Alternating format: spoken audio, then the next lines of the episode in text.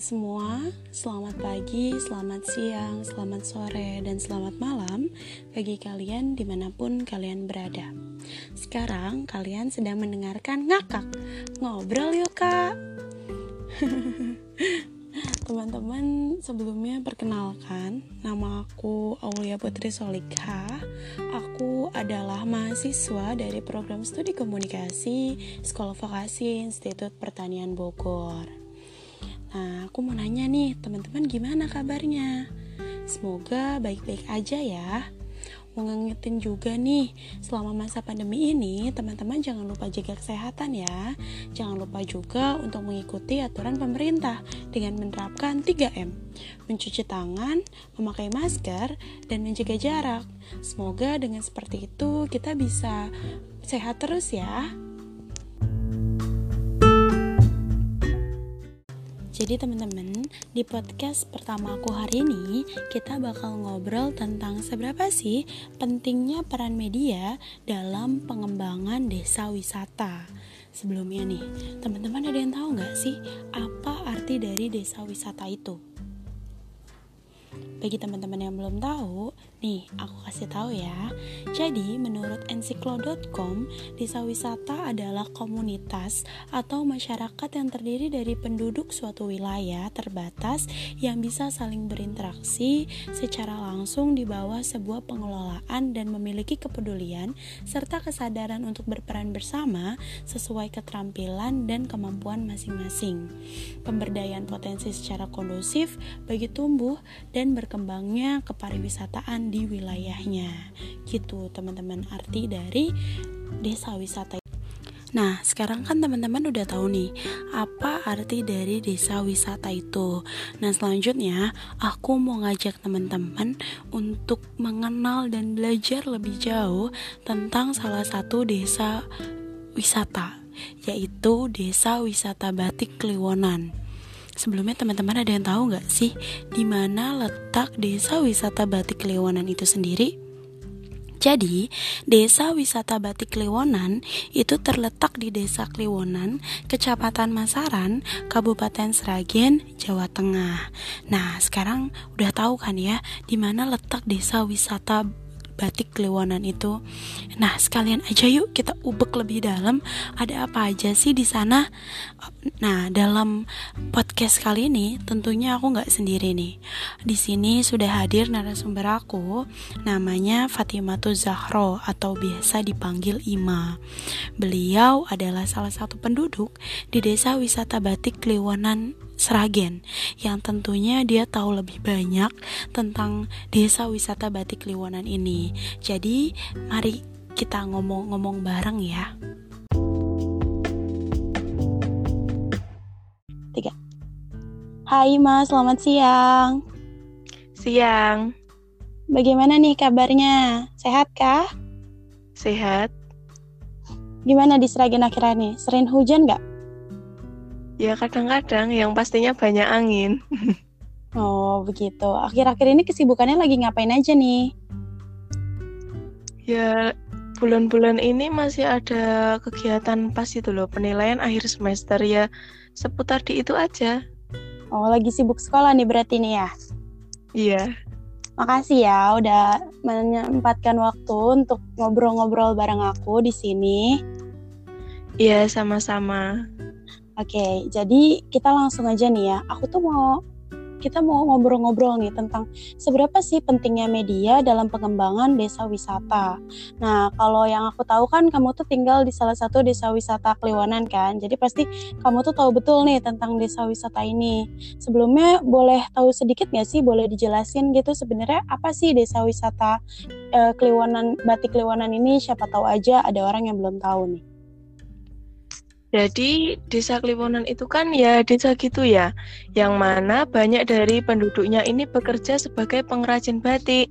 Salah satunya itu ibu saya. Jadi karena banyak penduduknya yang menjadi pengrajin batik, sehingga dibuatlah sebagai desa wisata batik. Karena selain memberi, ladang pekerjaan kepada warga sekitar yang berprofesi sebagai pengrajin batik. Jadi kalau misal ini desanya dibuat sebagai desa wisata batik, kita kan bisa secara langsung lebih memperkenalkan batik ke orang-orang.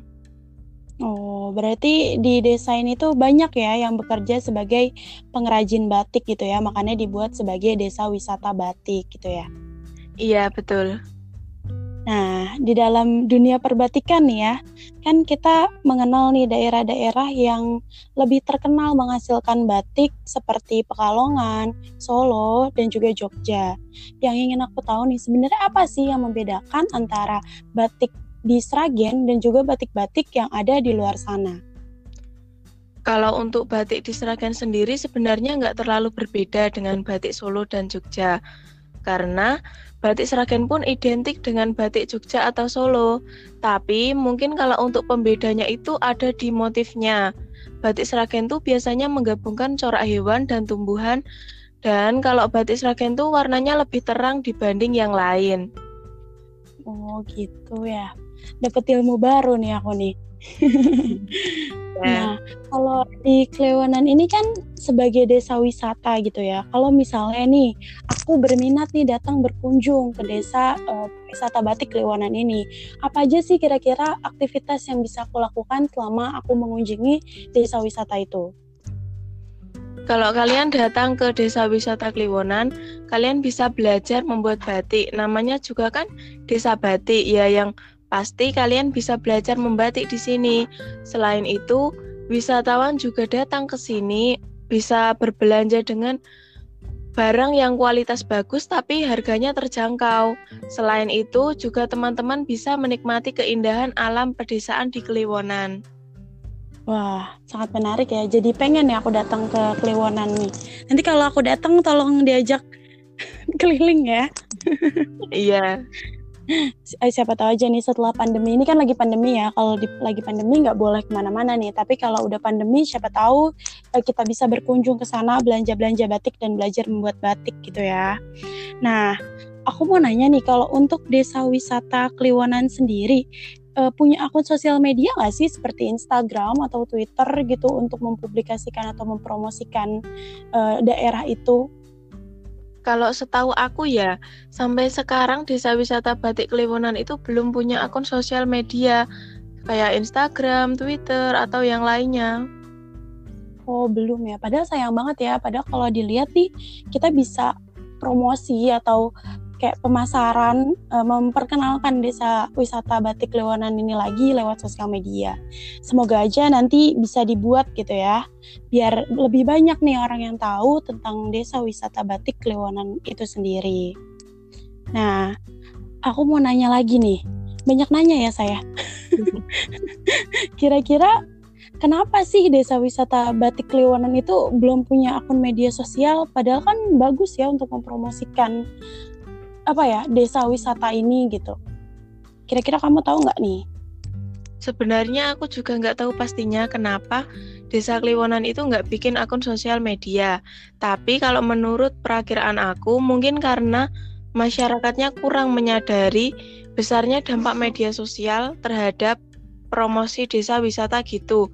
Atau kalau enggak mungkin juga tidak ada seseorang yang mengkoordinir untuk pembuatan itu. Misalnya kan ada adminnya gitu kan pasti dibuat juga akunnya.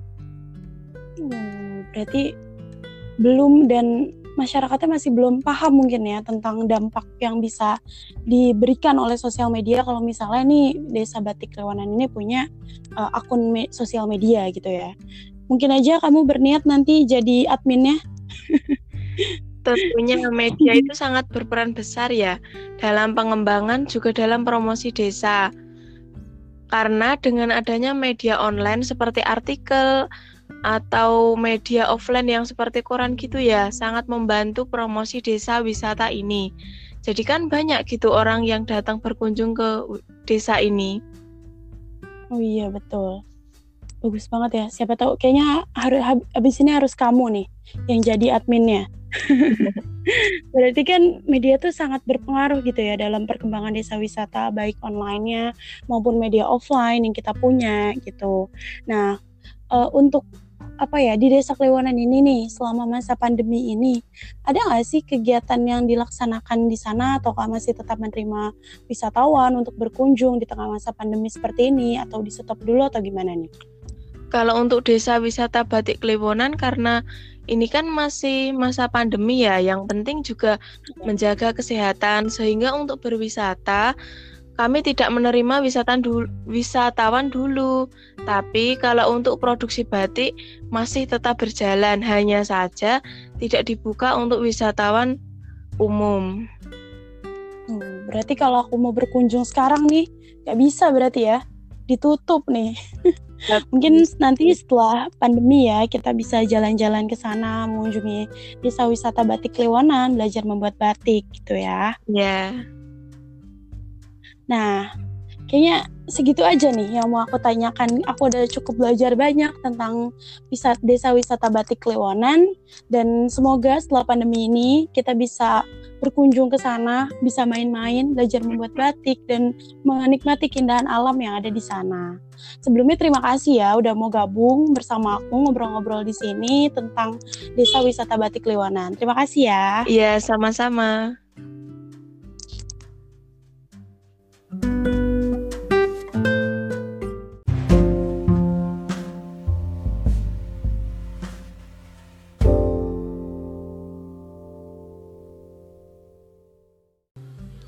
Yap, teman-teman, itu tadi adalah wawancara aku bersama dengan Fatimah Tura Zahro selaku salah satu penduduk di desa wisata Batik Lewonan. Ternyata desa Batik Liwonan sangat menarik ya teman-teman. Banyak aktivitas yang bisa kita lakuin di sana. Seperti yang tadi dibilang narasumber kita, kita bisa belajar membatik, e, belanja batik dengan harga yang murah tapi kualitasnya bagus dan juga bisa cuci mata nih dengan melihat pemandangan alam pedesaan desa Kliwonan.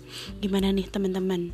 Setelah tahu itu, apakah teman-teman juga berniat untuk datang berkunjung ke desa Batik Kliwonan?